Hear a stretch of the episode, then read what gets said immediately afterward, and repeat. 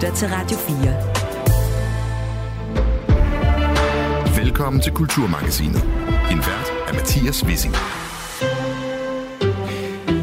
Sådan galt med øh, skærmforbruget igen. Børns Vilkår de anbefaler, at børn i alder 0-2 år ser lige præcis 0 minutters tv, iPad eller telefon. Det tror jeg, at de færreste børnefamilier, der i praksis har overholdt eller kan overholde. Men måske fortaber medierne sig også i den her anbefaling, når de skarpvinkler, hvilket kommer til at skygge for nuancerne i rapportens egentlige opfordring. Hvorfor det er sådan, og hvorfor det er et problem, det skal vi høre om lidt. Senere i udsendelsen får jeg besøg af en bande kriminelle kunstnere. Take the Money and Run. Kunstner Jens Honing kom på besøg i selskab med den foruroligende Elling, Skinner i Pipipi og den evigt grænsesøgende Christian von Hornslet. Vi skal tale om, hvorvidt kunstnere må forholde sig anderledes til landets love end os andre, og selvfølgelig om den her koranlov, som alle medier og kunstnere har haft på hjernen i nu en måned. Til sidst skal du lytte med, hvis du som jeg er træt af at glo på dit eget fjes. Siden coronaen er videomøder og FaceTime blevet en integreret del af vores hverdag, Øh, det betyder altså krydret med selfie-kamerets sejrsgang, at vi skal forholde os til vores egne ansigter på et verdenshistorisk højt niveau. Vi besøger en psykolog, en kunstner og en blind forfatter og spørger, hvad det betyder for os. Det er i sidste tredjedel af indeværende klokketime. Jeg hedder Mathias Wissing. Velkommen til Kulturmagasinet. Du lytter til Radio Noget af det, der ligger til grund. Og jeg trykker på alle knapper på en gang herinde. Øh, vi starter lige øh, fra toppen, og toppen det er, at jeg siger, hvis du følger nyhedsstrømmen og øvrigt har haft den her taleradio tændt i dag, ja, så har du med garanti hørt, at Børns Vilkår har lavet en rapport over børns brug af skærme, og du har sikkert også hørt, at rapporten anbefaler, at børn under to år altså overhovedet ikke har skærmtid 0 minutter om dagen. I morges fortalte Katrine Elmose, der er digital medieekspert hos Børns Vilkår, at anbefalingen om mikroskopisk skærmtid er blevet til efter et forsigtighedsprincip. Noget af det, der ligger til grund for den her anbefaling, det er jo blandt andet et øh, forsigtighedsprincip, fordi at vi endnu ikke ved præcis, hvilke effekter det kan have på barnet, og om det kan have en skadelig effekt at sidde og se på skærm. Men når vi ser på øh, blandt andet derudover, hvad vi ved er vigtigt og, øh, og er godt for et øh, lille barn på 0-1 år, så er det jo blandt andet, at de øh, sanser og mærker verden, rører og smager og lytter og øh, har øjenkontakt med andre mennesker, spejler sig i voksne og får respons på det, øh, de sender ud i verden. Og det er i hvert fald noget af det, som vi ved, at en øh, skærm ikke kan tilbyde og ikke kan, øh, kan, kan, kan, kan give til, øh, til børnene. Og Radio 4 Morgen, de havde også været ude i den virkelige verden. De havde været smut i børnehuset Klokkervej i Åbyhøj, hvor Danny Rasmussen sammen med sine to børn, Esther på 5 og Otto på 2, fortalte om deres skærmforbrug derhjemme. Øh, jeg tror ikke, vi har regler om, hvad de må, men i hverdagen, der ser de stort set ingenting. Hvis, Det er, hvis vi gerne må se fjernsyn, så, så ser vi rimelig meget tv. Hvad ser I så? Nogle gange så kan vi se Bluey. Øh, øh, og du, kan du tage over? Hvad ser I mere, Otto? Blue Troll 3. Ja. Og så ser vi også en lille smule Rammachang. Ja, det lyder jo ret udramatisk, når man kommer ud i virkeligheden til blandt andre Esther og Otto her. Vi ser også en del Bluey derhjemme, kan jeg fortælle. Alligevel så har vi medier måske tendens til at løbe med en historie, hvor vi fokuserer enormt meget på et enkeltstående element i en ellers ret omfattende rapport. Det kaldes vinkling, og hvis der vinkles for skarpt, så kan det faktisk blive et problem, mener min næste gæst, Julie Mønter Lassen, postdoc ved afdeling for medievidenskab og journalistik på Aarhus Universitet. Velkommen til Kulturmagasinet. Tak skal du have. Julie, hvorfor er øh, mediedækningen af den her rapport fra Børns Vilkår problematisk? Det synes jeg, den bliver, fordi jeg øh, kun frygter, at der kommer for meget skyld og skam med. Altså som vi også hører her, øh, de øh, søde små medvirkende i jeres indslag her, at jamen, der foregår et mediebrug ude blandt, blandt også de aller yngste. Øhm, og vi skulle meget nødt i havne i en situation, hvor børnenes forældre, de kommer til at blive fokuseret på, at det her det er bare kun forkert, så man får lukket af for alle de andre rigtig gode og vigtige budskaber, der er med i de her guidelines for børns vilkår. Og hvordan bidrager mediernes vinkling til den øh, misforståelse eller den manglende nuance der? Når der bliver for mange overskrifter om 0 minutter og 0 tid i skærmbrug, så kommer der slet ikke alt det andet med. Altså, så skal man være mere opsøgende og hænge mere på. Øhm, da jeg hørte nyheden i går morges i radioen, så må jeg indrømme, jeg fik ikke det sidste med, fordi min mand og jeg straks gik i gang med at diskutere det hen over Med morgenbordet. sluk skærme. Ja, ja. ja. Ja, fortsæt. Og sådan selv, selv det var bare mig, der ville fyre en joke af. Julie. Fortsæt. ja, det, er. Jamen det der med, sådan, så går vi i gang med at diskutere, hvordan er vores egen skærmbrug, og ser vi nu også for meget herhjemme. Jeg har selv små børn. Så hvordan forholdt vi os egentlig til det? Mm. Og så fik vi måske ikke lige hørt afslutningen på indslaget. Nej. Og nu er jeg så kvæg mit arbejde, var jeg så nysgerrig, så jeg gik ind og læste på den her guide på Børns Vilkårs hjemmeside, som er virkelig nuanceret og pædagogisk opdelt i aldersgrupper og det hele. Men det er jo bare ikke sikkert, at alle forældre gør det. Nej, og det, nej, og det, min frygt er bare, at man lukker for meget ned ved at have for stort et fokus på 0 minutter, og det så bliver behæftet med skyldfø- skyldfølelse mm. over, at ups, nu kommer jeg også til at lade mit barn se Det er helt eller- sikkert, det er helt sikkert de færreste, der rent faktisk læser hele den rapport. Men, men omvendt, så er det jo ikke noget, medierne finder på. Det er jo rapportens anbefaling, at 0-2-årige slet ikke skal se skærm. Øh, og Mm. hvis det ikke nu skal tage så tungt, altså hvorfor skriver de det så overhovedet? Øh, for det er jo, de kender jo også, når de strikker sådan en rapport der sammen, så ved de også godt, hvad der, hvordan medierne fungerer. Øh, for det, Ja. det, det står der jo selvfølgelig sort på hvidt, det er bare ikke det eneste, der står, men, men det står der Nej. stadig.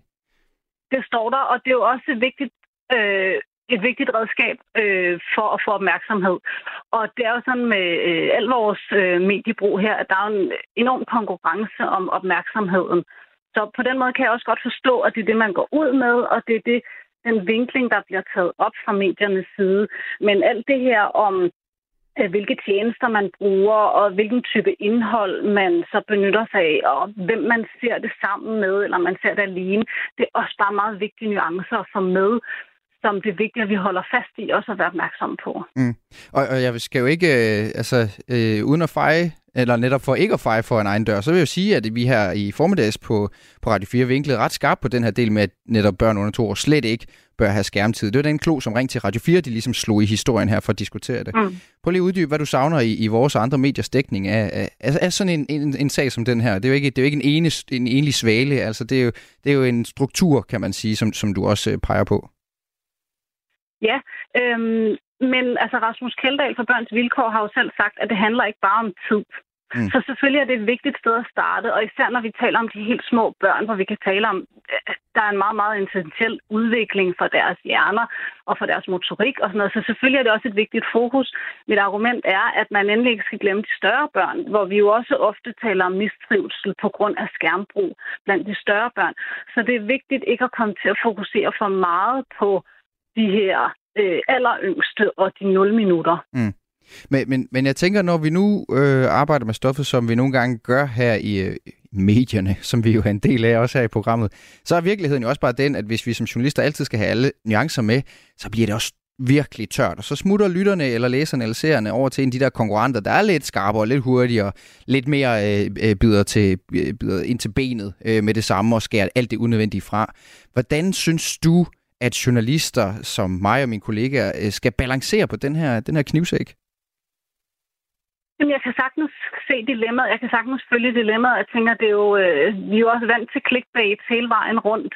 Øhm, så det er ikke sådan så skarpt på krogen ind i det, min, øh, min kritik eller min, øh, min udfordring af det her er. Det er mere sådan, at det er vigtigt også at få de andre perspektiver åbnet op, og ikke bruge for stor en del af indslaget på at få de andre aldersgrupper med, de andre problemstillinger med i debatten. Mm. Så, så i virkeligheden, så skal, så skal vi lave et eller andet øh, stort journalistisk seminar, hvor vi bliver enige om at lave os give, give, give håndslag på, at der altså ikke er nogen, der skal have nuancer fra, for at få den mest, øh, den mest reelle dækning af den her slags øh, rapporter. Åh, oh, jamen så naiv er jeg jo heller ikke, selvom det ville da være en fin idé, hvis øh, der var færre clickbait fremover. Nå, nu har du i hvert fald talt, øh, talt for det, Julie Mønster, med Mønter Lassen, øh, postdoc ved øh, afdelingen for medievidenskab og journalistik på Aarhus Universitet. Tak fordi du var med i Kulturmagasinet. Tak fordi jeg måtte. Øh, der i morges, der talte mine gode kolleger, som var et smut i børnehuset Klokkervej, også med en far ved navn Geo Lee, kønte for at spørge, hvad han tænkte om de her anbefalinger. Og jeg har en computer, der driller. Så det kommer synes jeg lyder rigtig godt. Det, det, altså jeg synes i forvejen, det, det er svært at løsrive dem fra skærmen, når de først har den i hænderne. Så det der med at have nogle retningslinjer, man ligesom kan forholde sig til, det, det vil egentlig være meget fint. Hvor meget ser de cirka nu? Kan du sætte lidt på på det? Øhm, i hverdagen vil jeg nok sige, at når man skal lave aftensmad, så, man, så vil man gerne have noget ro på, og så kan det godt, altså de kan godt se en halvanden times tid, når fra de er kommet hjem til der aftensmad, vil jeg sige. Og kan du godt skære det ned til det halve? Ja, det vil bare kræve, at man skal tænke lidt anderledes i forhold til at aktivere dem. Den ukrainske underverden, dommedagssektor, Når forældrene har slået deres børn ihjel, så er der ikke så langt til at gøre det selv. Så er der ingen vej tilbage. storpolitiske morsager og mystiske flystyrt. Om det er satire eller sandt, det ved jeg ikke. Det er i hvert fald russisk. Hver uge undersøger Christoffer Lind store dramatiske historier og afliver eller bekræfter tidens store myter og konspirationer. 90'erne var et tag selvbord for både lovlige og ulovlige eksistenser i det land. Lyt til Krimiland på Radio 4 i morgen kl. 17.05. Radio 4. Hele systemet er jo et eller andet sted en stor mafiastat. Ikke så forudsigeligt.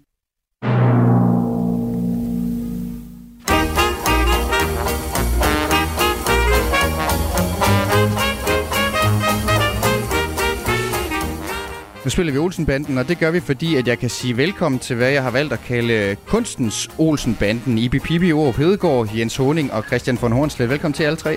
Tak. Tak. Øh, Så jeg er Benny, ikke?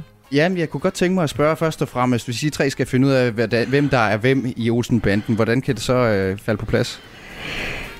Jeg tror, altså, øh, jeg tror, at det er spørgsmål. Jeg ved, jeg er Benny, ikke? Men jeg ved Christian, ikke om... øh, hvem- Christian von Hornslet Ja, ja, jeg tager ved ikke, Benny om med det. Jens er, er Kjeld, eller du er Egon. Hvad er det?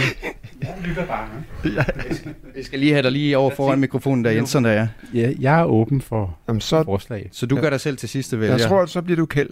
Jamen, jeg, Så er du Egon. så er du ikke det er jeg også fint tilfreds med. Jeg har planen. Ja, Ibi og Egon. Ibi Egon. Ibi Egon, Ove Pedegaard, Jens Honing og Christian von Hornslet i, i en eller anden rækkefølge, ja. Hvis vi endelig skal lave den her Olsen-Batten-algori. Øh, det har lige handlet om skærmtid for børn. Er det noget, I har skarpe holdninger til, eller, eller er det ikke noget, I bruger så meget energi på? Og jeg har jo børn, så det er, det er noget, jeg, jeg bruger tid på, men altså, det er jo bare et spørgsmål om at lave faste regler. Selvfølgelig skal de ikke sidde med en tablet eller se fjernsyn hele dagen lang. Over, overholder de det? Ej, de overholder det ikke. Det bliver man som Mm. forældre nødt til at overholde. Jeg har en evig kamp derhjemme om det. Altså, øh, jeg får ikke lov at, in, altså, jeg får ikke lov at instigere de her regler, fordi jeg siger, okay, sluk tirsdag og torsdag, og så siger min kone, nej, lad ham dog. Altså, jeg, Okay. beder ham, jeg beder min søn om at sætte sin tallerken i opvaskemaskinen, og så kigger han over på sin mor. Skal det? Nej, skat, det behøver du ikke. Så jeg- min, min, Ja, min, øh, er min godt, I skal autoritet forhandle og min maskulinitet bliver, Ja. bliver udhulet. Det er slet ikke det, vi skal tale om. I er jo kommet på besøg hos mig, fordi alle tre har erfaringer med kunst, der går til grænsen og også over, og, og som i nogle tilfælde jo bryder de love, som de fleste af os andre render rundt og, og overhælder. Og så er I aktuelle med foredraget Kunst og Kriminalitet her i, i Aarhus i aften. Det er derfor, I alle sammen er, i- er i, i, Og der er stadig i billetter. byen her i Jylland, hvor der stadig er billetter. Øh, vi skal tale om, hvorfor man som øh, kunstner vælger at gøre noget, som man ved, eller som kan vise sig at være strafbart, og så skal vi ind på om, øh, hvornår, hvis overhovedet, det kan forsvares etisk at udføre en kriminel handling. Men I skal lige have en rigtig øh, præsentation først. Jeg vil gerne tage, øh, begynde med dig, øh, Jens Honing. Du var jo øh, endnu en gang i overskrifterne her i begyndelsen af ugen, kan man sige. Hele verden har lige haft ringet til dig. Øh, fra, fra New York Times til Washington Post har jeg læst. Og det var du, fordi at der jo mandags faldt dom i sagen om det her kunstværk Take the Money and Run, øh, som er et af de kunstværker, tør at sige, som har fået størst bevågenhed i nyere dansk kulturhistorie, øh, kunsthistorie. Øh, det er jo en sag, hvor kunsten i Aalborg øh, lånte dig lidt over en halv million til et værk, og i stedet så sendte du øh, to tomme rammer og beholdt pengene selv. Det var Take the Money and Run. Ja. Øh, nu er Københavns Byret så dømt i sagen til fordel for kunsten, og du skal betale de der penge tilbage. Øh, som jeg sagde, hele verden de har haft ringet til dig hele ugen. Øh, har du haft tid til at tale med din advokat om, hvorvidt du anker den sag der endnu? Vi overvejer stadigvæk at anke den. øh, Så. Okay, så det er, og har du været i dialog med ham siden? Øh, ja, et par gange. Der, der har været lidt travlt den her uge, men, men hvad hedder det? Vi har, det er ikke faldet helt på plads, men, øh, men øh, der, det, det, jeg tror godt, det kunne ende med, at vi anker den. Okay. Øhm, fordi I tænker, at, at, at den her dom den er for hård, altså at du skal tilbagebetale 492.000 kroner ud af, ud af de oprindelige 532.000. Fordi at, at, at, øh, at vi ser mulighed for, at, at, at, hvad hedder det, at, at dommen kan blive omstøttet, ikke så? Ja, det tror din advokat på, at der er Ja, noget at komme efter ja. der. Ja. Øh, der er fire års ankefrist i hvert fald, så jeg har jo lidt tid at, at, at løbe på, før I endelig skal tage beslutning. Øh, men altså, det, det er noget, I godt kunne være åbne over for rent faktisk at gøre. Altså den. Ja. ja. Så har vi dig, Ibi Pibi Aarup Hedegaard. Du kom på alles læber, da du for halvandet år siden udførte, hvad du kaldte en uh, dobbelt modifikation af et værk af Asger Jorn på uh, Museum Silkeborg. Helt konkret så brugte du lim og permanent tus på øh, det værk, der hedder Den foruroligende ælling af Asger Jorn. Øh, og lim den blev så brugt til at klistre et billede af dig selv oven på ællingen i forgrunden af, af maleriet. Og til højre for det her påklistrede billede, så signerede du maleriet. Og du har sagt, at det var noget, du gjorde for at skabe debat om kunstnerisk ejerskab over billeder i det hele taget. Asger Jorn har jo nemlig selv malet sit landskendte maleri oven på et landskabsmaleri, som han fandt på et, øh, på et loppemarked. Du blev dømt for herværk i den her sag i, foråret, og du ankede stof, og efter du ankede, øh, så blev straffen så en lille smule mildere, og du blev idømt et års ubetinget fængsel i stedet for halvandet år, og så blev der jo så rejst et erstatningskrav på næsten 2 millioner kroner, øh, og du har anket til højesteret i den sag. Fortryder du nogensinde den her dobbelte modifikation med alt det efterslæb, der har været på den sag? Nej, jeg fortryder ikke værket. Jeg er stolt af værket. Jeg synes, at værket det blev præcis, som det skulle være. Jeg mener ikke, værket det er, jeg mener ikke, det er endelig afsluttet nu, også fordi vi mangler, vi mangler øh, øh, den, øh, den endelige afgørelse, fordi jeg håber og tror jo på, at øh, sagen ender i, i højesteret. Der er ingen øh, sager, der den er præcedens. Der er aldrig sket noget tilsvarende i Danmark, hvor der er faldet dom. Man kan sammenligne det med havfruemordet, men der var jo ikke nogen, der tog ansvar for det. Mm. Og jeg står på mål for det her, og derfor så skal der jo være en dom, der vil skabe præcedens i forhold til, øh, til kunsthandværk, øh, herværk i, ja. øh, i øh, fremtiden. Kunstherværk. Kunstherværk. Det er sådan det, det du selv kalder det her. Ja, jamen, det er jo, det er jo kunst, men øh, at herværk det indgår, det er jo heller aldrig nogensinde betvivlet. Det erklærede jeg mig øh, mm. skyldig i fra første færd. Ja. Men altså, du tænker, at det er en del af kunstværket, den her, øh, det her forløb, der har været efterfølgende, altså alt med alt, hele turen i retten og så videre og så videre, eller hvor, hvor, hvor, hvor langt kan man forlænge Nej, selve ja. den happening her, som altså skete for halvandet år siden? Jeg synes ikke, turen i retten øh, er en del af værket, men det ender med at blive noget af det, der sker udenom værket. Øh, og, altså det er jo klart, det værket det kan jo ende med øh, at få betydning, øh, og den præcedens fremadrettet. Så på den måde, der, der får det en betydning, som er vigtig, vigtig i hvert fald. Og det vil jo uløseligt hænge sammen med værket. Men øh, jeg anser ikke værket for at være afsluttet. Er, er der sådan et, øh, et personligt sug i dig efter også at, at have været med til så at skrive juridisk historie på en eller anden måde, vil det jo være i og med, at det så vil skulle danne præcedens for noget. Altså det er en del af det, som, nej, det vil som du selv øh, nej, begejstres det, ved. Det, nej, det, det begejstres jeg ikke ved, men jeg synes, det er, det er ret interessant, at vi får... Øh, for at sætte nogle øh, klare retningslinjer, fordi så ved man også bedre som kunstner, hvor, hvordan man kan arbejde, og hvordan man kan arbejde inden for de rammer. Øh, og og, det, og det, det gør det hele meget mere interessant fremadrettet, synes jeg. Ja. Vi vender tilbage til nogle af de her ting, for det er jo lige præcis det, der er dykket ned i med, med det her øh, krydsfelt mellem øh, kriminalitet, jura i hvert fald, og så kunst. Øh, vi skal også omkring dig jo, Christian von Hornslet. Øh, du har også lagt arm med låns lange arm flere gange faktisk. I øh, september 2009, der blev du anklaget for, uden tilladelse at have brugt nogle fotografier af ham fotografen, som hedder Antonio Platoni øh, i dine malerier. Han tror både dig og Elva med sagsanlæg, og ender, det, det ender så med en fjernelse af de her reproduktioner af, af malerier i sin tid. Og det er en af flere sager. I december samme år, altså 2009, der blev du anklaget for at bruge andre fotografier uden tilladelse. Øh, det var hoffotograf øh, Sten Brugård, hed han. Han krævede, at du stoppede med plakatsalg, som benyttede kronprins Frederiks forlovelsesfotografi uden tilladelse, vel at mærke. Det er jo det, der er sagens kerne, ikke? Han truede med erstatningskrav, og så trak du plakaten tilbage. Hvorfor var det der øh, kunst for dig at se, og ikke bare, det ville det jo være i, i andre brancher, plagiat? Altså, det, det var øh, det er mange ting. Det er for det første, at det, øh, når vi ser billeder i det offentlige rum, så øh, bliver vi jo hjernevasket med, med deres øh, billeder. Vi bliver, vi bliver ikke spurgt, om vi vil se på deres lort. Ikke? Så øh, vi, vi, vi, vi stjæler det tilbage og sender det videre. For mig er det meget mere en kamp om at øh, modsige magtforholdet og, og, og, og udfordre de regler, der er omkring os for at komme videre, for at komme nærmere det, vi kan kalde demokrati i sidste ende. Ikke? Altså, mm. hvordan, øh, hvordan udfordrer vi de øh, mekanismer, vi vader rundt i, og vi lapper i os. Vi, hvordan, hvordan stiller vi spørgsmålstegn til vores omgivelser? Hvis kunsten ikke gør det, så mm. ved jeg ikke, hvem skulle. Men, men det er jo interessant med omgivelserne, fordi du siger, du siger, hvordan vi udfordrer de regler, der er omkring os. Og det er jo så det, vi andre vil kalde de love, vi, vi er omgivet af. Altså er der et eller andet semantisk? Ja, man kan jo sige, øh, at øh, for eksempel, hvis du er videnskabsmand så, eller kvinde, så går du ud i verden, og, og, og så tænker du nogle, ej, det kunne være sjovt at tænke på det, eller lave dit eller dat, og det, det er jo ikke noget, vi gør på universitetet normalt. Og så kommer det pludselig frem, at de har opdaget et eller andet nyt uden for rækkerne. Det er det samme med kunst og jura og politik. Nogle gange er der nogle skøre idéer, som kan bringe nyt til, den, til det selvfede borgerskab. Mm. Vi, vi, har, vi har jo så tre sager her. Øh, jeg tre til sammen øh, der ligesom kan placeres forskellige steder i et koordinatsystem med kunst og kriminalitet på hver sin akse øh, i et eller andet omfang, ikke? Altså, hvad tænker I selv? Er der noget af det her, som er mere kriminelt eller mere over grænsen end noget andet? Eller hvordan ser I forskellen i de her tre øh, forskellige værkers møde med, med lån. Hvad tænker du, Ibi Pibi? Jamen, jeg, jeg, jeg, må gerne komme lidt tættere på mikrofonen, undskyld. Undskyld. Jamen, jeg synes jo, at øh, alle tre værker, det er meget forskellige værker, men de stiller jo spørgsmålstegn ved noget helt grundlæggende, nemlig øh, de, de kunstneriske rammer, og hvordan man kan, man kan gøre dem elastiske og, og trække dem ud og ligesom, øh, og ligesom øh, skabe et rum, og man skaber noget helt nyt, og det er på den måde, kunsten flytter sig. Hvis vi ikke prøver at gøre noget, der er helt anderledes, som ikke er, er gjort før, så, så er der jo ikke nogen udvikling. Så bliver det hele bare sådan en fastfrosset kerne, og det er der jo ikke noget som helst ved. Det interesserer jo ikke nogen. Og det, som mange de glemmer, når, øh, når de ser på det her og siger, at det er noget værre noget, det er jo helt forfærdeligt. Hvis man går tilbage i tiden, så der har jo altid været kunst, der er gået over grænsen. Og man kan bare tage en mand som Bjørn Nørgaard, ikke, der slagtede en hest, og folk var farvet, og det var helt forfærdeligt dengang, ikke? og han så ender øh, som kunstprofessor. Ikke? Altså, mm. man skal passe på med at øh, og, og, og, og gøre tingene så enkle, fordi det, er, det hele er ikke så enkelt. Og, og det der, det der farve, det der, til, hvad hedder det, det der øh, beskriver en succeskultur, det er, hvor meget tillader vi øh, at eksperimentere, at vi, ikke, at vi ikke fuldstændig låst fast i sådan nogle fascistoide øh, øh, Excel-ark. Altså, ja, hvor meget, det er også, nu laver til et koordinatsystem, ja, Excel-ark. Men... Altså, hvor meget tillader vi befolkningen at eksperimentere og tænke nyt, før de bliver drevet tilbage i folden og betale mere ejendomsskat? Mm. Jens Horning, hvilke overvejelser tænker du om, altså hvordan de her tre kunstværker, jeg nævner, nu kunne det være mange forskellige ting, ikke? Altså, I har jo øh, lavet masser af kunst, alle tre, men lige de, præcis de her tre sager, vi har taget frem, hvordan tænker du, at de, de ligner hinanden, eller adskiller sig fra hinanden? Altså, øh...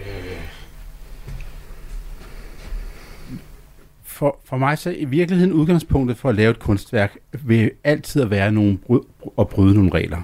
Det kan så være i en eller anden lovgivning, men det kan også være nogle konventioner for, her der gør vi på den, den og den måde. Ikke? Så, så, så det... Øh, øh, ja, ja, og så, så, så, så, så, så ligner de hinanden, fordi de, de, de, de lander i samme tidsperiode eller sådan noget. Mm. Men så stopper det jo også dermed. Ikke? Mm, altså. Ja, så er det alligevel tre forskellige eksempler på at, at udfordre konventionerne, som, som, som man kan kalde det, men som også er en anden beskrivelse ja. af, det vil også være at bryde loven. Ja, men altså, det projekt, vi har i aften, det foredrag, der hedder Kunsten og kriminalitet nede på Hornslet Bar i aften kl. 8, hvor der stadig er billetter, ikke? Der, der, øh, der handler det faktisk om noget andet. Der handler det faktisk om, hvorfor er kunsten tvunget ud i det kriminelle rum, ja. for at kunne få plads i solen, plads i medierne, plads i folks bevidsthed. Ja. I gamle dage var det nok at male en, øh, en plakat over med, med, med en landskabsmaleri og male en elling, og så sagde borgerskabet, uh, i dag er, du, er, er, det, er det interessant, hvorfor er, det, øh, en, er, er, er, er markedskræfterne så voldsomme, at, at kunstnerne er nødt til at bryde ud i det der mm. kriminelle rum for overhovedet at få plads i radioen, eller i tv, eller i folks vidsthed, fordi kunst i dag interesserer ikke folk. Og jeg synes faktisk, det er interessant. Altså, det er noget, I er bevidst om, når I arbejder med kunst, at sige, at vi bliver nødt til at lægge os endnu længere ud i grøften end tidligere, fordi modernisterne, de skulle bare male noget, der ikke så ud, som det gjorde på samme måde ja. i virkeligheden. Så hvorfor, var det skandaløst, ikke? Og hvorfor er vi derude? Det er det, der er spørgsmålet i aften. Hvorfor er det gået så vidt? Hvis du allerede nu skal tease for svaret, hvad kunne det så være? Hvad tænker du, i Jamen, jeg, jeg, altså, er det noget, du tænker også, når du skal ja, lave et kunstværk, så tænker du, hvordan skubber jeg til loftet her? Nej, han tænker kun på, hvor meget han skal spille. ja, eller tænker du på, hvor meget jeg skal spille, eller tænker du på PR? Tænker du på, hvordan jeg også kan ende med at tjene nogle penge på det i sidste ende? Jo, jo, det er jo klart, du vil jo gerne tjene penge på din kunst. Vi, er, vi, er, vi vil alle sammen gerne kunne leve af det, men, men altså, når du skaber værket, så tænker du ikke i økonomi, så tænker du i din vision, når du gerne vil føre den her vision ud i livet. Og hvis vi, jeg lige må vende tilbage til det med grunden til, hvorfor det er nødvendigt at bryde. Jeg tror simpelthen, det er fordi vores sanser, de hele, hele tiden bombarderes ikke via YouTube-videoer, via fjernsyn, Flow TV, der stadigvæk øh, kører i et, i et vist omfang, ikke? via alle medier, øh, radio, sådan noget. vi bliver bombarderet hele tiden, så på en eller anden måde, så bliver vores sanser mættet. Mm. Så hvis der er noget, der skal brænde, brænde, brænde igennem og ligesom træde ud fra det, så skal det, så skal det have en vis grad af noget ekstremt, eller i hvert fald i øjnefaldende over sig. Vi kender altid det der i hele mediebranchen. Vi er jo med til at lave den der trummerum, som vi alle sammen træder rundt i. Det er helt klar over, men vi forsøger jo samtidig ikke at bryde loven alligevel for at, at gøre det. Øh, og, og for at sige det som det er, der er mange derude, som synes, det I tre kollektiv laver, øh, som er fedt. Men jeg tror faktisk, der er flere derude, som er forarvet. Øh, altså, som, som, som, synes at, som, som spekulerer i, øh, hvad det giver jer som kunstner en ret til at bøje loven, som, som det passer jer, som, som, som vi ikke har. Altså, som, som almindelige ikke-kunstnere ikke Jamen, har. Hvis du for eksempel begyndte at lave ulovlige ting herinde, så ville I få 10 gange så mange lyttere. Burde jeg gøre det? Ja. Skal vi, Altså, altså, hvad, hvad, hvad, kan, hvad, øh, kan, hvad, hvad kan vi iscenesætte Altså, herinde du lige kan nu og her, som kan... have, øh, øh, for eksempel masser af, af pornografiske ting og sager. Der kunne have øh, folk, der slås, eller råber og skriger, eller du kan lave, du kan lave masser af ting, som, som tager, folk tænker, gud, nu stopper jeg bilen, og nu skal jeg fandme høre det program. Det er Men det sjovt. forsøger vi jo altid at gøre, uden at bryde loven. Igen, ja. altså det er jo det, og derfor vil jeg gerne tilbage på, om kunstner har en eller anden særlig licens til at, at bryde loven. Øh, Jens Hunding, er det, h- hvordan forholder du dig til, til kunstnerrollen i samfundet, hvad, hvad det angår? Altså, om, om, om kunstnere skulle have en særlig licens. Ja? Ja, du må gerne komme lidt tættere på mikrofonen, men ja, altså netop, ja. ja. om, om kunstner har en eller anden, øh, fordi de er kunstnere, øh, hvad kan man sige, bedre adgang, øh, iboende ret til at bryde loven på en anden måde, end en journalist har, eller en øh, sociomedhjælper har, eller en hvilken som helst øh, borger i, i samfundet har. Hvis, hvis, vi, hvis vi nu kigger på de... For nu prøver vi lige at tage det lidt alvorligt her. Så kigger vi på de tre sager, som vi har på bordet her. Mm. Det, jeg er lige ved at sige, at der er der en tendens til, at man som kunstner bliver straffet hårdere, end man normalt gør. Ja. ja. Tænker du det? Hvis, hvis du tager de tre, hvis vi siger, at de tager de tre eksempler og tager dem op på bordet og sådan noget, så kan man da ikke sige, at, at kunstnere bliver forskånet, eller at de har en særret til at må gå ind på, på et museum og male på et billede, eller må låne nogle penge eller et eller andet. Mm. Altså, så, så, så, så altså i samfundets øjne, så har kunstnere ikke en særret, men, men i og med, at de jo alligevel sætter jer for at, at, at gå over grænsen, altså med åbne øjne, øh, altså det, det er derfor, jeg spekulerer i det her med, om der så er en, en anden, om, om I appellerer på en idé om, at kunstnere ja. har en anden iboende ret til, til at overskride grænsen i Pippi, du markerede. Jeg, jeg, jeg, jeg, jeg synes faktisk, som Jens siger, det er rigtigt nok, vi straffes øh, måske endda hårdere, fordi halvanden års fængsel, øh, ubetinget fængsel øh, så, øh, for herværk, når man er ustraffet, det er i hvert fald ikke nogen milddom. Men altså for mig der er det jo netop vigtigt at, at lave den her pointe med, at man som kunstner ikke er hævet over loven. Det var også derfor, jeg til, øh, tilstod herværk med det samme for at vise, at man står ved det, at man har gjort. At man udfører noget, der er kriminelt, og står ved det, men stadigvæk insisterer på Mm. øh, det kunstneriske udtryk. Mm. Men jeg mener ikke, man som kunstner er hævet over loven. Nej. Men ovenikøbet, hvis det var en eller anden tilfældig uh, turist, der havde malet på det der jornbillede nede på museet, så har det jo ikke været halvanden års fængsel. Det vil jeg i hvert fald føle og påstå. Jeg tror, at det er netop fordi, at Ibi har gjort det til et værk, så har han udfordret det her uh, system, vi bor i, og det der, uh, det pilrødende, dødssyge museumssystem, som vogter over de der dødssyge relikvier fra gamle dage. Ikke? Og, og Ibi revitaliserer det, og så bliver de bange for deres stillinger, deres legater, alt deres lort. Ikke? Så, så øh, der er ikke meget punk tilbage, der er ikke meget udfordring af Så af, du tror, af, at, at der ligger i den øh, relativt hårde dom, som, ja, som du har altså, fået i vi- vi- Pippi, faktisk, ikke- at man gerne vil øh, se- sende advarsel på en eller anden for, måde? Ja, ikke for at sammenligne, men altså, i Teheran hænger man folk op i master og hænger dem for at gå med slør, ikke? Eller for, for at gå uden slør. Altså, vi er på vej derhen imod, hvor at kunstnere, der sætter øh, røven i flaskehøjde, får ekstra meget bank, fordi vores system er så meget mere fascistoid på grund af de her økonomiske, øh, øh, det landskab, vi lever i, hvor hvor pengene bestemmer alt, Hva- og alle er bange for ikke at sælge mere øh, fetaost i Mellemøsten, og så laver koranlov, ikke? Og det skal vi snakke om lige øh, her afslutningsvis, men øh, først kunne jeg godt tænke mig at spørge, altså er der, øh, nu, hvor, nu hvor at vi ligesom ved, at altså, nogle gange så, så er I jo den opfattelse, man er nødt til at skubbe til loftet, som er loven, for ligesom at udfordre nogle konventioner, men er, har I et andet kompas, i hvilket I siger, der er noget kunst, som jeg ikke er villig til at, at udføre? Altså, og hvordan bliver det kompas så til? Hvad, hvad, hvad er over grænsen på en anden måde, som, som vil få jer til at tænke, jamen det her, det er, jeg har lyst til at sige utilbørligt, ikke? Eller det her, det er ikke, det er ikke kunstnerisk interessant, selvom at det bryder loven. Øh, det synes jeg faktisk er meget svært at svare på, for det vil afhænge af den konkrete situation. Og folk de siger jo altid, øh, når du laver et eller andet, der overtræder grænsen, jamen hvis, hvis du insisterer på det der kunst, så kunne voldtægt også være, være kunst, for eksempel. Og ja, det kunne det faktisk sagtens blive. Ikke? For eksempel, hvis du havde nogle billeder af et voldtægtsoffer, og, eller at du fik voldtægtsofferet til at indgå i en dialog med voldtægtsmanden. Så det ville også kunne blive til kunst. Så man kan ikke opsætte sådan nogle helt klare regler for, hvad der kan blive til kunst, og hvad der ikke kan blive til kunst. Men jeg vil ikke sige, at jeg, at jeg har nogen som udgangspunkt, nogle grænser. Det kommer helt an på situationen. Men jeg tror, og det er jo også det, der er kunstens felt, jeg tror, der er mange, der vil være uenige med dig i, at en voldtægt for eksempel nogensinde vil kunne være kunst. Ja. Så hvem er det, der så er med til at fastslå det, hvis ikke de der domstole, som, som vi lige har, har langt lidt ud efter her, øh, 3 mod, øh, 3 mod 0, jeg har ikke nogen repræsentanter for domstolene. Det er kunstneren, der skal definere kunstverdenen. Det er ikke det omkringliggende samfund, og det er slet ikke museerne. Det er kunstneren, der skaber, det er kunstneren, der, der, Og- der får det nye frem. Ja, og så tager de der straf. Hvis der er en straf, hvis systemet ikke forstår det, så er det bare ærgerligt. Mm. Okay.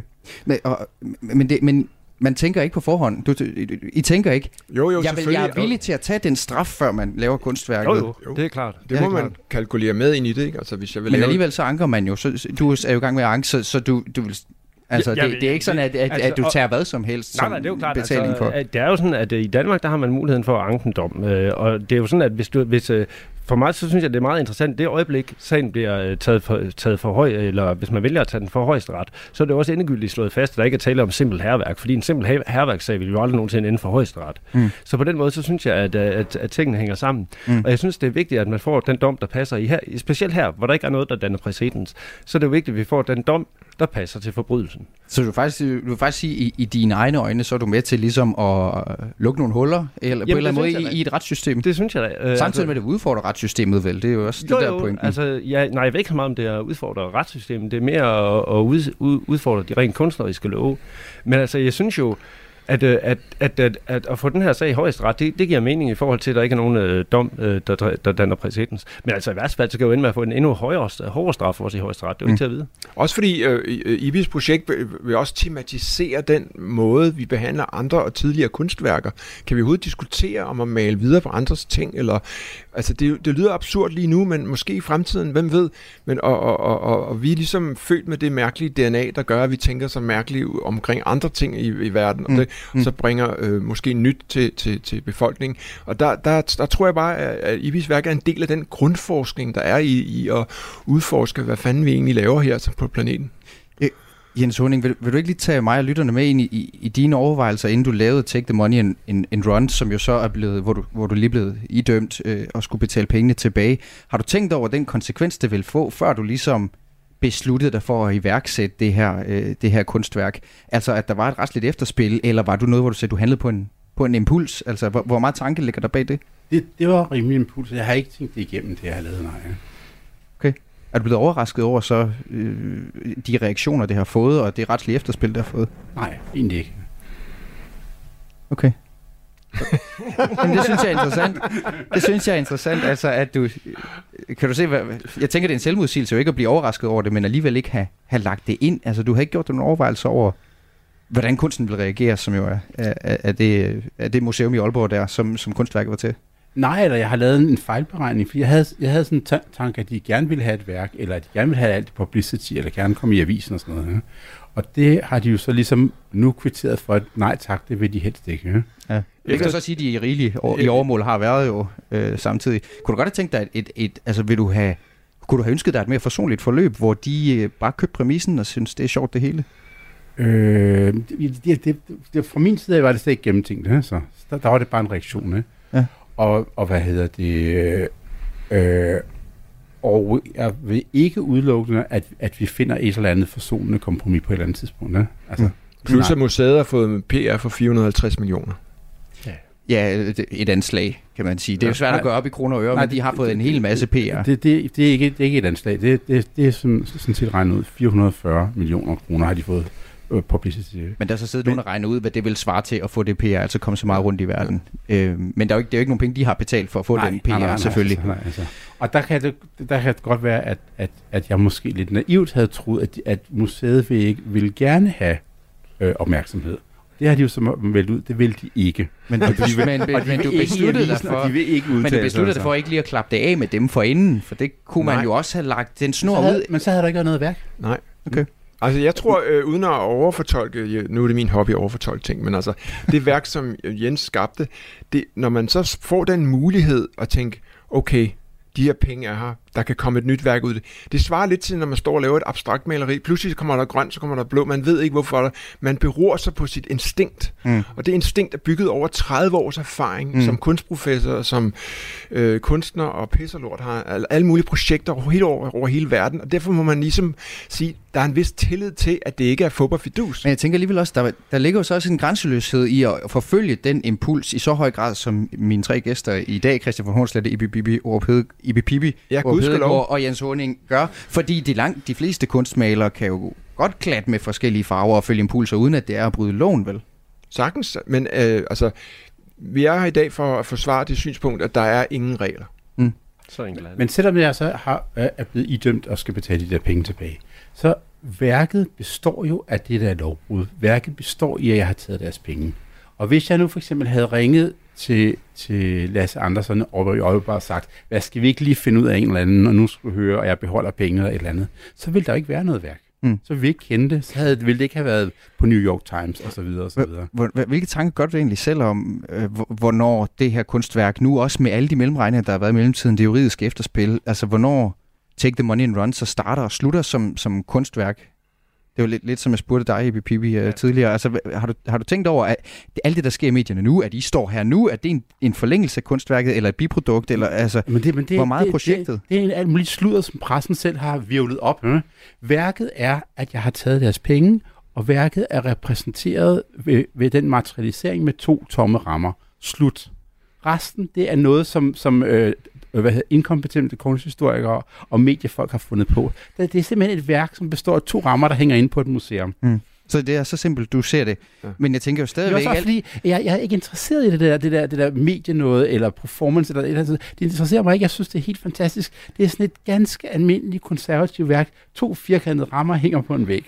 Slut. det er jo det, der er det andet, det, det andet er så implikationerne, og alle mulige til, at sted kommer, men, men jeg arbejder ikke med det også, og jeg, altså, du ved, jeg har fået 100 gange mere pres, end jeg har haft lyst til for det her. Altså, det, det, det, det, det, det giver ikke, altså, det giver ikke noget til værket på den måde.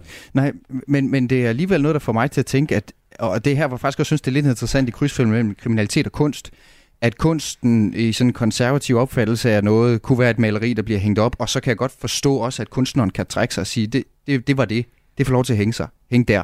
Ikke hænge sig.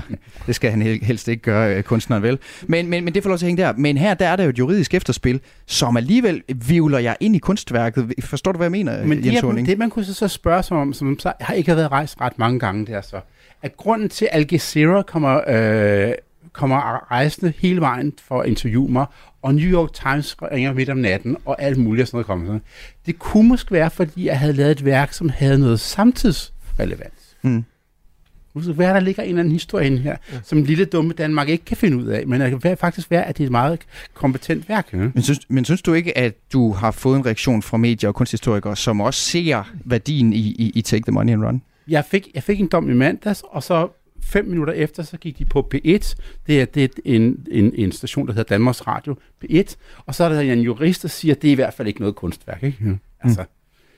Men jeg har også hørt stemmer, der har sagt det modsatte. Øh, vil jeg så sige, altså som øh, vores kulturminister har sagt, at han synes, det var hylde morsomt, for eksempel. Ja. Øh, så, så, så det er bare for at sige, det er jo, det er jo ikke dig mod hele verden. Øh, nej, der er nej, også folk, nej, der anerkender, at du har udfordret nogle ting her. Ja, ja. ja. ja. ja. Men, men, men det, det er mere sådan noget, for at det ikke bliver sådan noget, sådan noget sandkasteri. Lidt på mikrofonen. Ja, ja. ja. Mig på. Så vil jeg bare sige sådan, at, at, at den store opmærksomhed øh, øh, ser jeg snarere som og vælger jeg at se snarere som om, at jeg har lavet et relevant samtidskunstværk, end at fordi jeg har overtrådt en masse regler. Og, og hugge en halv million, det svarer til, at du køber et hus, og så mister du dit arbejde, så kan du ikke betale dine terminer, så skal du ud og flytte ud af huset. Altså, så ulovligt er det heller ikke. Mm. Men det, er du undret ikke dig som, øh, som studievært eller øh, journalist, at, øh, at der ikke er blevet talt mere om indholdet af værket, den kritik, der er i systemet? Jeg synes faktisk også, der er blevet talt om indholdet af værket og kritikken af systemet, men jeg tror, øh, hvis jeg skal spekulere sammen med jer, og det, det kan også være uenig i, så tror jeg jo også, at, øh, at så sker der jo det, at det her det er så bemærkelsesværdigt. Der var rigtig mange, der snakker om lige da det skete. Så har der været en retssag, og det er også der, vi snakker kriminalitet og kunst, ikke? som kommer med sådan nogle små opdateringer. Og så forholder vi os jo altid til den seneste opdatering, som er, når øh, øh, skyldig eller ikke skyldig. Ikke? Altså, så jeg tror også, der er noget i maskinen der, som, som taler til det her proces, som, som I tre jo synes er vældig uinteressant, men som jeg tror interesserer mange andre i landet, også men, fordi men, at det nemlig handler om, men interesserer det om ikke det folk, er over grænsen eller ej. Men interesserer det ikke folk, at øh, for eksempel, at øh, hvad er det, 10, 12, 20.000 kunstnere, som bidrager enormt meget sjov og ballade til kunst, til verden, lever under sulte, sultelønnen. Ikke? Altså, der er ikke nogen, der... Altså, vi vil gerne bryste os af, at vi lever i en moderne, fed, flot øh, kultur med masser af huse og F1-lån, men vi har ikke... Men kulturen, den... Pff, det, mm. det må de ordne i deres rigtigt. fritid. Der er der meget, der bliver taget for givet. Ja, en, det, en gammel kunstnermyte ja. om, at kunstnere de skal leve af, af passion øh, ja. og, og, og drikke kildevand. Ikke? Som... Og så bliver der sat tal på, og så pludselig så dør diskussionen. Mm. Men jeg vil så igen sige, der er jo en grund til, at vi bliver ved med at tale om det rigtig meget. Det er jo fordi, at det også sætter fingeren på noget, og så får vi nogle anledninger en gang imellem, ja. som senest i mandags, ikke? hvor der så kommer en ny ting i, mm. i, i sagen. Før I smutter, øh, kan vi ikke lige vente den her koranlov? For det er noget, I har holdninger til, og Ibi Pibi, du har gennemført en happening på Christiansborgs Slotsplads, mener jeg, det var, Ja. i forgårs med titlen øh, Make Love, Not Utilbørlighed. Ja. Og lad mig lige spille et klip fra den her happening, hvor du med dine egne ord gennemknippede den danske grundlov udklædt som en koran. Det lød sådan her. under mig, din lille svin. Hvem er størst? Hvem er størst? Du er under mig. Det har vi fået slået fast en gang for alle, din fucking lille tæve. Hvem er størst? Åh, for helvede.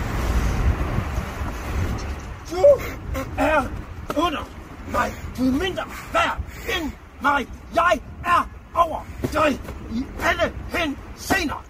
Og du bliver vel lidt nu øh, i Pipi. Du har selv sagt, at, at det er en kommentar til koranloven, som du mener ja. Begrænser den kunstneriske frihed. Øh, øh, Christian von Hornslet, kan, hvis I kan placere den her på den her, øh, det her koordinatsystem mellem kriminalitet og kunst, som, som, som jeg skitserede, øh, da vi startede med at snakke. Altså, Mhm. hvor, hvor, hvor synes du, det her ligger som, som kommentar? Jeg tror ikke, det er jo vist nok ikke ulovligt øh, at skænde grundloven, øh, men du er til gengæld klædt ud som en koran, så det er ikke nemt at sige, om det vil anses for utilbørligt, hvis den her lov nej, bliver er vedtaget på et tidspunkt. Men altså, hvad, hvor, hvor, hvor, hvor ligger det her hen så? Ja, altså, nu, nu kunne man ikke rigtig se, at du øh, havde en stor dildo, du, du tævede ind i grundloven. Du gennemknippede jo med en atrap. Ja, ja. ja. Men, men øh, altså, det er jo ikke ulovligt overhovedet, og det er et, et, et, et, et, et flot lille teaterstykke omkring det kæmpe dilemma, kunstverdenen er i nu, hvor er en, en, en regering med kun to mandater over og flertal øh, tvinger det her lort igennem, ikke? med at vi ikke må sige, hvad vi vil. Og, Og jeg vil nemlig spørge, for sådan en debat, sådan et lovforslag som det her, alt det opmærksomhed, det har fået, får det, det til at krible i fingrene for kunstnere, øh, som jeg nu vil ikke over i det kriminelle, fordi det er måske kun potentielt kriminelt i fremtiden, det er jo ikke kriminelt nu. Men er der et eller andet, øh, der, der, der tiltrækker jer Jamen, alt- øh, ved, ved, ved den her debat? Altså alt, hvad der kan skabe begrænsninger øh, øh, imod vores arbejde, det er selvfølgelig klart, det er noget, øh, man er optaget af. Men for mig, der ligger der også det i det, at det irriterer mig, at disku- diskussionen kun kommer til at handle om, om Rasmus Paludan skal have lov til at brænde Koranen af, fordi vi er jo ude over det nu. Altså nu rammer det jo langt bredere, og man kan forestille sig kunstværker, der allerede er skabt, der måske overtræder de her nye regler. Hvad skal vi så? Skal vi fjerne dem? Skal de smides væk? Altså jeg synes, det er, det er helt absurd. Mm. Men synes du, er, er er kunstnerne her, I, øh, I er jo ikke bange for at træde ind i de der juridiske gråzoner. Er kunstnerne her i landet lidt for forsigtige, når de er så meget på barrikaderne i forhold til det nye lovforslag? Fordi hvis det bliver vedtaget, altså øh, kunne man så ikke bare gøre det alligevel, og så øh, apropos det her med at være villig til at skubbe til loftet eller Jo, overtræde grænserne, jeg tror og så ikke- have det endnu større gennemslagskraft end før? Altså, der er to ting i det for mig. Der, er- det, jeg tror ikke, de holder sig tilbage bagefter. Det må vi tage kampen bagefter. Og så må vi få en, få en ny regering bagefter, og så afslyse det igen. Det andet er, at det er jo enormt sørgeligt, at vi har arbejdet 200 år for, for et, et, en, en, en, en, en, en yt- ytringsfrihed i et Men, men demokrati. det, har, det, det har vi. Det, det, vi har det snakket om det her en måned nu. Her kan, folk de bliver ved med at, at ja. vade rundt i det. Der kommer et nyt, en ny præsentation her i starten af oktober, så vi se på den. Men jeg er interesseret i, Christian von Hornslet, om vi er, om kunstnerne, øh, ikke jer tre, jeg har i studiet, er jo bevisligt villige til at, at gå over grænsen, men er kunstnerne generelt i det her land bange for øh, overtræde loven øh, for noget, de tror rigtig meget på, og det så er, øh, mange hvad tænker kun- I om det? Mange kunstnere opfatter jeg, at I er bange for at, at bryde de her regler, fordi så får de ikke et legat, eller så får de ikke den udstilling, fordi institutionerne er skide bange også. Så, øh, men nu er vi tre selvforsynende og selvfinansierede, så vi er pisselig glade. Vi gør fuldstændig, som det passer os. Hvad, Jens Horning, hvis jeg må spørge dig om det, hvad, hvad gør det ved kunsten, hvis den bliver for bange for at miste legater, eller for fokuseret på ikke at ville tabe en halv million i retten, eller øh, det ene eller det andet? Lidt tættere på mikrofonen, ja. Jens. Der tænker jeg jo, at jeg er ikke den rigtige at spørge. Fordi jeg er jo alligevel øh, i en kategori, som så kan komme til at overtræde loven. Ikke? Mm. Men, men altså, er der, er er der, oplever du, der er for meget fokus i øh, blandt kunstnere i Danmark på at vil øh, være bange for at falde ud af det gode selskab, eller blive økonomisk ramt? Mm. Nej, det, det, det tror jeg ikke. Jeg tror ikke, jeg tror ikke at, at kunst bliver lavet så kalkuleret overhovedet. Så. Okay. Der er mange, der øh, ikke vil øh, lave kunst omkring øh, islam, fordi det er et usekset emne. De vil hellere lave kunst om Danmarks blodige fortid øh, som slavehandler eller sådan noget. Det er et, det er et meget usekset emne, hele det her, øh, fordi højrefløjen har besat den diskussion fuldstændig, fordi de bruger det til at genere islam. Ikke? Lige den her koranlov er jo noget, hvis vi ligesom tager alt øh, færdig sport ved den, det er jo noget, man har besluttet sig for, fordi man mener, at den kunstneriske frihed øh, i hvert fald på et eller andet niveau må bøje af for rigets sikkerhed. Det er jo det, de, det, er jo det, det, det handler om på en eller anden måde, at, at holde sig gode venner med nogen. Øhm, har de ret i det? Det er, jo det, samme, det er jo det samme argumenter, man bruger i en øh, diktaturstat. Det er jo de samme argumenter, man bruger der. Og siger, at det er jo for jeres egen sikkerhed, så laver vi nogle love for Men hvad, hvad, hvad er mest værd? Kunstnerisk frihed eller rigets sikkerhed? Jamen, du ved jo ikke engang, om riget er i fare. Altså, det, man siger, der er en trussel, men vi ved det jo ikke reelt set. Men spørgsmålet er, hvad, så, hvad bliver det næste, vi skal bukke af for? Altså, det er jo også det, man skal tage med i overvejelserne. Øh, vi skal da ikke lade os styre af frygt. Det skal man da aldrig nogensinde gøre. Det er da noget af det mest øh, idiotiske, man kan. Så ender man jo med at være en bleg kopi af sig selv. Og vi skal være stolte af, at vi har de regler, vi har her i landet, og vi har en frihed, som, som, øh, som vi dyrker. Også Endnu? friheden. Ja, nu. Nemlig friheden til at kunne udtrykke sig øh, kunstnerisk. Ibi Bibi er inden for en vis grænse. Man kan jo også ja, ja. Øh, ryge spillet for det. Ibi Bibi, Ove Pedegaard, Jens Hunding og Christian von Hornslet. Tak til alle tre, fordi I var med i uh, Kulturmagasinet til en snak om kunst og uh, kriminalitet. Og det er jo, som du har sagt et par gange, Christian, i aften kl. 20.30, at man kan opleve jer tre samtaler om kunst og kriminalitet på Hornslet Bar selvfølgelig. Uh, her i Aarhus, og der er stadig billetter. Men hvis du ikke gider betale, så kan du jo se, om du bare kan læse det ind i stedet, og så sige, at det er kunstværk. Ja, du er bare velkommen, og der er jo halv pris på hele natten drinks til dem, der kommer. En kendt dansker er død i en time. Jeg synes, det ville være skrækkeligt, hvis jeg vidste, noget skulle være for evigt. Men først skal de spise et måltid, som var det deres sidste. Så kommer, kommer desserten. Så kommer den altså. Fuck, hvor er det voldsomt. Og, øh. og altså, hvorfor, Anna? Hvorfor? Altså, jeg aner det ikke. Sammen med vært Lærke Kløvedal taler de om døden, maden og alt derimellem. Men fjordrejer, det er barndom. Det er gode stunder med min far. Det er noget af det eneste, jeg har haft med papa. Lyt til det sidste måltid i Radio 4's app, eller der, hvor du lytter til podcast. Æret være hans minde. Radio 4. Var det det? Det var det. Ikke så forudsigeligt. I går var der øh, premiere på en ny forestilling på Aarhus Teater, og forestillingen det er en dramatisering af forfatter Maren Uthaugs En lykkelig slutning, som også er titlen på øh, teaterforestillingen. Der står kun en enkelt mand på scenen, og han hedder Christian Hedland, og han var så i går gæst hos Maja Hall i morgenrutinen for at fortælle om, hvad en lykkelig slutning går ud på. Den handler om øh, en bedemand, øh, som hedder Nikolas, som gerne vil, egentlig vil fortælle folk om bedemandsfaget. Øh, og øh, han kommer ud af en lang slægt af bedemænd, og øh, det viser sig, at øh, igennem hans slægt øh, har de forskellige bedemænd her, de har slås med både det ene og det andet. Og øh, han er så i det, øh, den situation, eller han står med det problem, at han er sådan set har fundet ud af, at han er nekrofil.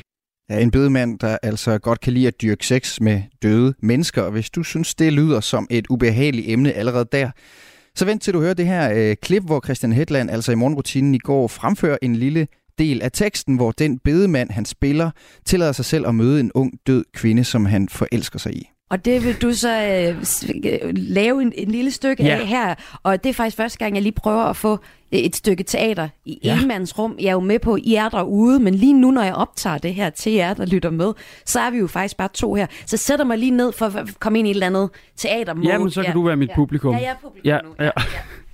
Jeg kan forestille mig, at det bliver lidt intens der. Vi prøver. Ja. Værsgo. Hun lå nøgen under lanet. Hendes hud var mælkehvid. Der var ingen ligepletter. Ingen ar på hendes krop. Tårneglene var røde. Læberne lidt blå. De var fyldige. Jeg måtte synke flere gange. Jeg havde sådan en trang til at kysse dem. Hendes hår var lysbrunt. Læberne lidt adskilte. På hendes ene arm var der to stikmærker, men det var ikke værre, end at det kunne være to små myggestik, hun havde krasset hul på. Marian. Jeg bed tænderne hårdt sammen. Der var ingen logisk grund til, at jeg skulle tage hende ud af kisten. Jeg kunne uden problemer give hende tøj på, selvom hun lå i den. Men jeg løftede hende forsigtigt op og lagde hende på bordet i kølerummet. Hendes hoved drejede let mod venstre, og noget mørk væske løb ud af den ene mundvig. Jeg førte kærligt hånden hen over hendes pande. Jeg prøvede at tænke på noget andet, men det kunne jeg ikke. Så bøjede jeg mig ned og kyssede hendes læber. Jeg lod min tunge følge hendes amorbue. Det dunkede. Min venstre hånd fandt hendes bryst, og med min højre åbnede jeg skjorten, så jeg kunne mærke hendes hud mod min. Jeg flettede mine fingre ind mellem hendes, så fandt min mund hendes bryst, og jeg lod nænsomt tungen glide hen over hendes brystvorte. Den føltes kold, nærmest gummiagtig mellem mine læber. Så spredte jeg hendes ben og pressede ansigtet ind mellem dem. Jeg kunne mærke hendes køn mod mine varme læber. Jeg lod tungen glide længere ned mod hendes åbning. Jeg trak hende blidt tættere på mig. Lod spidsen af mit lem røre ved hendes indgang. Det føltes så blødt. Jeg kunne ikke længere kontrollere mig selv. Jeg pressede mig op i hende. Og få stød senere skyllede jeg alt mit liv ind i hendes døde skød. Jeg lagde mig ned ved siden af hende. Trak hende kærligt tæt ind til mig. Hvordan skulle jeg kunne skille mig af med hende? Oh, Christian Hedland her, der fremfører et stykke af en lykkelig slutning, som i dag har premiere på Aarhus Teater. Og øh, jamen altså, hvordan, hvordan har du med den her del af det, Christian? Jeg, jeg har det super dobbelt, øh, fordi at øh, fordi at jeg helt klart jeg synes det er, er grænseoverskridende, øh, men jeg men jeg men jeg synes også når jeg kommer til det her tidspunkt i forestillingen at det her med at at øh, kæmpe med at at turde overgive sig til til sin seksualitet. Ja. Turde overgive sig til, til det smukke og det, man reelt føler, men som har været så tilbageholdt og så forbudt i, i så mange år. Ja. Øh, ja, det, det synes jeg er, er stærkt, og jeg synes, det er mega spændende, og jeg håber, at det er noget af det, forestillingen kan. Ja, ja altså som, som publikum, jeg kunne ikke kigge på dig. Jeg kunne simpelthen ikke kigge på dig, Nej. fordi det var så grænseoverskridende. Det er også lidt svært ved at kigge på dig, men, det, men det, det er sådan, han har det jo. Ja, sådan lød det, da Maja Hall i morgenrutinen havde besøg af Christian Hedland, skuespiller på En Lykkelig Slutning, som altså havde premiere i går på Aarhus Teater. Vi slutter med at fortælle, at der er nyt fra øh, Michael Poulsen, forsanger i Volbeat, men dermed ikke fra Volbeat, men fra Poulsens sideprojekt As in Hell, hvor han i stedet er komponist. 29. september udgiver de nemlig pladen Impi Hora, hvorfra første singlen er sendt i forkøbet. Før programmet ringede jeg øh, lige til vært på portrætalbum her på kanalen, men også vært på metalprogrammet Sort Søndag på P6, Anders Bøtter. Og jeg spurgte ham, hvad det her Volbeat sideprojekt, som Michael Poulsen har, går ud på. As in Hell, som Michael Poulsens nye band hedder, er et old school dødsmetal band, hvor Volbeat de spiller poppet rock og nogle gange lidt hård rock. Så spiller det her band dødsmetal, og det er der Michael Poulsen havde sit udgangspunkt i sin tid, fordi før Volbeat hed Volbeat, der hed de Dominus, og der spillede de dødsmetal. Og hvad er det så for en øh, Michael Poulsen, ham her, som han er i As in Hell? Jamen i Asen her, der er Michael Poulsen guitarist og komponist. Det vil sige, at han har skrevet sangene. Så har han ringet til sin øh, gode ven, tyskeren Mark Greve, og sagt, prøv at høre, du har en af de mest imponerende dødsmetal vokaler. Kunne du ikke tænke dig at komme og synge på øh, den her plade?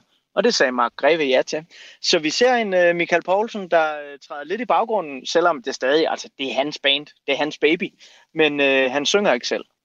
Og så øh, fik det der jo til at skrive, at det var årets bedste dødsmetal-udgivelse. Altså, hvorfor er det så godt, det her? Jamen, det er så godt, fordi at vi nu har en Michael Poulsen, der jo startede med at spille dødsmetal, da han bare var teenager, og som nu er med i et af Europas største rockbands. Og han har jo haft plus 20 år til virkelig at lære at skrive rigtig gode sange, altså blive god til sit håndværk. Og det håndværk, det tager han så med ind i en dødsmetalverden nu. Og det lyder bare godt, fordi Michael Poulsen, han kan sit dødsmetal til fingerspidserne, samtidig med, at det er, det er nogle fængende sange med nogle fede titler, og det, det er skide sjovt. Øh, og det, jeg har ikke hørt noget dansk dødsmetal-album øh, i år, der er bedre end det her. Og her får du så fra at være vært på Sort Søndag på P6 og portrætalbum her på Radio 4, Anders Bøtter, altså kalder årets bedste dødsmetal-album Fall of the Loyal Warrior.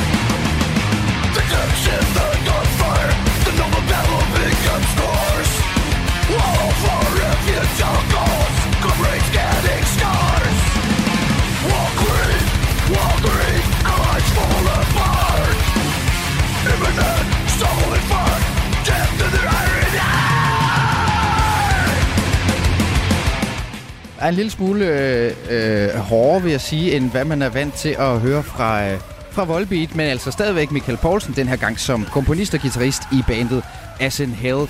Og det fik du som opvarmning til øh, fredagsmissionen på Radio 4, som øh, overtager båndet her om øh, øh, lige efter øh, nyhederne, som er på vej. Kulturmagasinet på Radio 4 er nemlig slut. Om lidt så kan du høre hele programmet i Radio 4's app, eller der, hvor du plejer at finde dine øh, podcasts.